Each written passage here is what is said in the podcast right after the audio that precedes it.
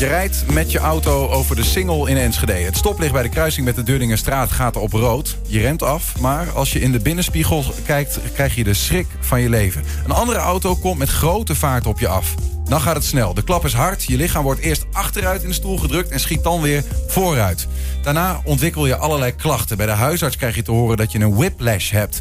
In je dagelijks leven word je zo beperkt dat je een schadevergoeding van de dader eist. Maar een whiplash is niet te zien op scans van je hersenen. En hoe bewijs je nou dat je schade hebt als die niet zichtbaar is aan je lichaam? Dit is mijn uitspraak en daar moet u het mee doen. Rechtspraak met Damstee Advocaten. Letselschadeadvocaat Lennart Messonides is bij ons. Welkom. Ja, dankjewel.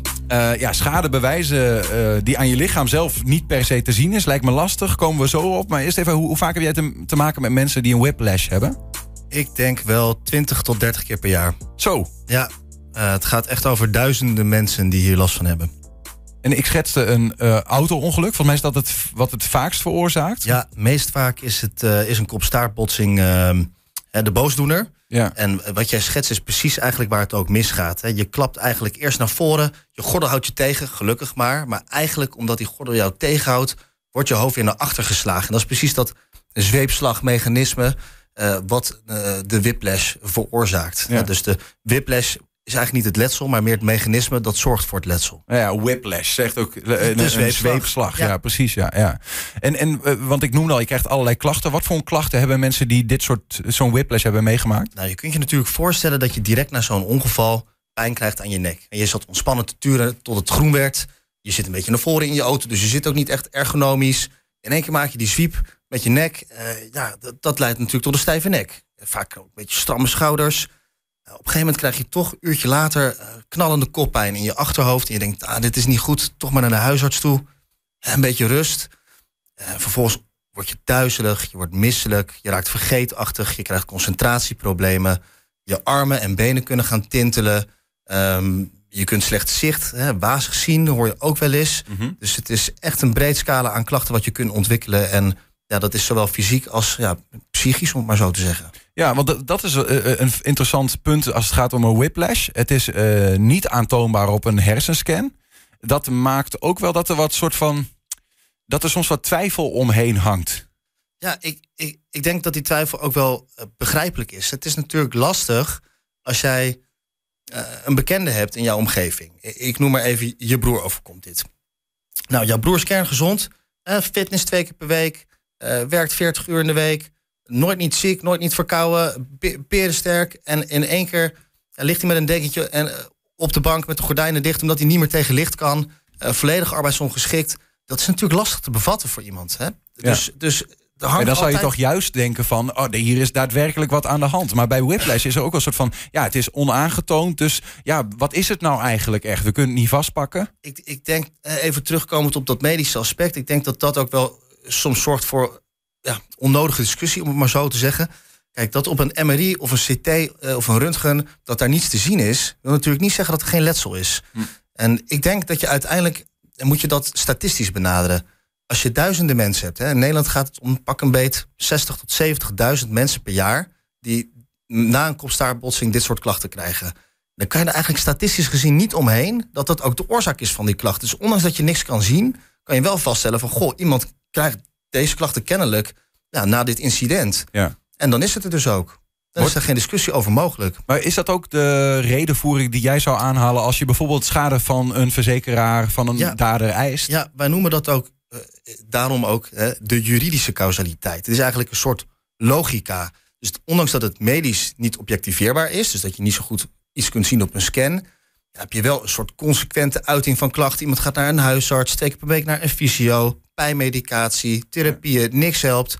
Ja, als iemand voor het ongeval nooit niet naar een fysio ging, dan kan het toch niet anders zijn dan dat dit ongeval die klachten veroorzaakt heeft. En dat is precies de redenering die wij aanhouden tegenover uh, de wederpartij. En die is uh, houdbaar. Dat, dat levert soms gewoon schadevergoeding Dat is hoe wij dit doen. Ja, ja, dat is uiteindelijk de kernredenatie om dit voor elkaar te krijgen. Maar er komt bij mij meteen ook toch wel een beetje de fraudeur in mij komt dan op. Hè? Stel nou dat ik, ik weet dit. Um, en ik heb een ongeluk gehad. Ik heb in principe geen klachten, maar ik weet wel van nou, die whiplash is toch niet aantoonbaar. Ik weet wel wat de klachten zijn. Nou, ik ga dat instuderen.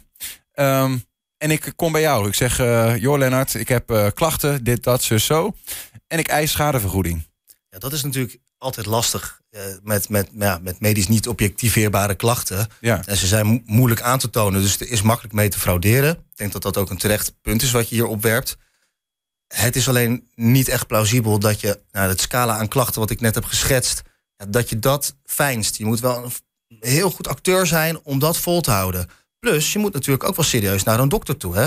Je kunt niet alleen maar roepen dat je klachten hebt en niet in therapie gaan. Dus dan moet je dus consequent naar de huisarts toe, naar de fysiotherapeut, naar de neuroloog. Dan moet je dat ook kunnen aantonen. Dat moet je aantonen dat je daar Ja. geweest bent. Want anders zegt de verzekeraar ook tegen jou... nou, goed dat je die klachten hebt, maar waarom ben je niet naar de fysiotherapeut gegaan? Hè?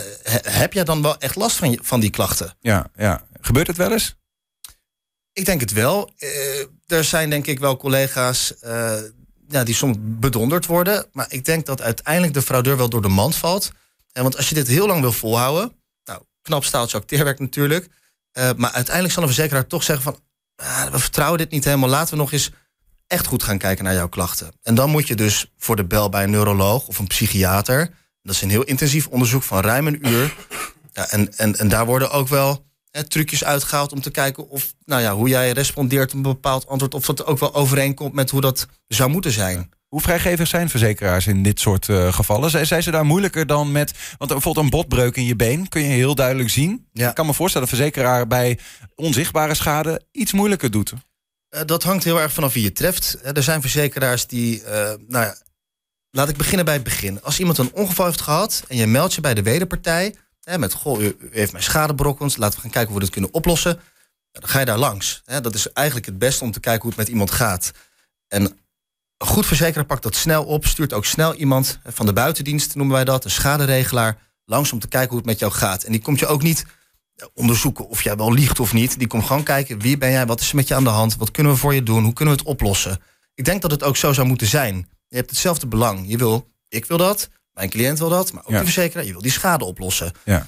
Ehm, een goed verzekeraar, die ziet dan wat er aan de hand is. Als die, die nou ja, hè, terugkomend op die broer van jou met een dekentje en de ramen dicht op de bank ziet liggen, dan denkt hij ook, dit is echt goed mis. We moeten echt gaan kijken of we misschien nou ja, niet een traject kunnen bedenken met een psycholoog en een revalidatiearts. Ja. Die denkt met je mee.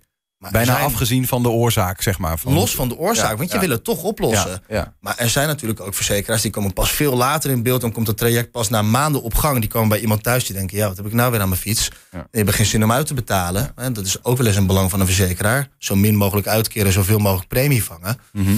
Ehm, kijk, zo is het niet altijd. Maar ja, dat gaat helaas ook vaak fout. Dat Wat, merk je wel. Wat, wat, wat jij zegt ook, maar het is mijn belang dat het opgelost wordt. Is dat wat jij als advocaat, ben jij puur bezig met een schadevergoeding? Of, of is dat eh, wat jij doet eigenlijk veel meer dan dat?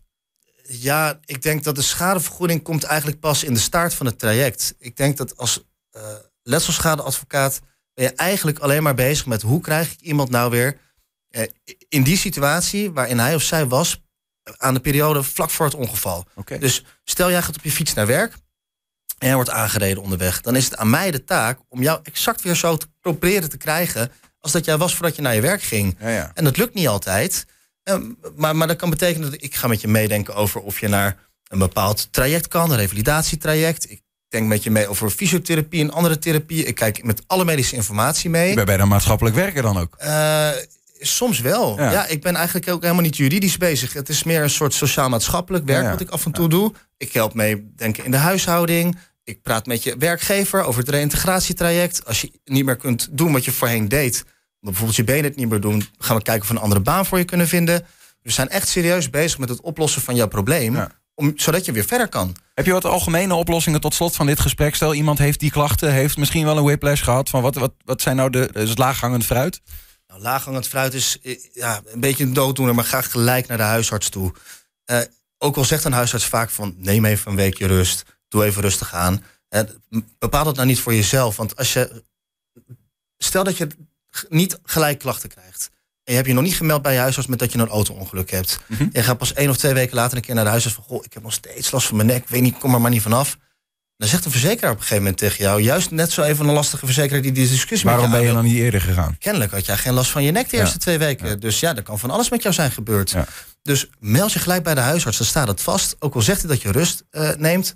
Eh, in de meeste gevallen gaat het natuurlijk ook gewoon over met rust, maar bij een whiplash niet. Nee. En dan ga je een lang traject in en dan heb je geen zin in ja, ge- gedoe over de schade. Nee, precies. Dankjewel. Ja. Lennart Marsoni zes. Dankjewel. Geen dank. Super eh, interessant en eh, leerzaam verhaal wat je hier hebt eh, Ja. gehouden. Dankjewel.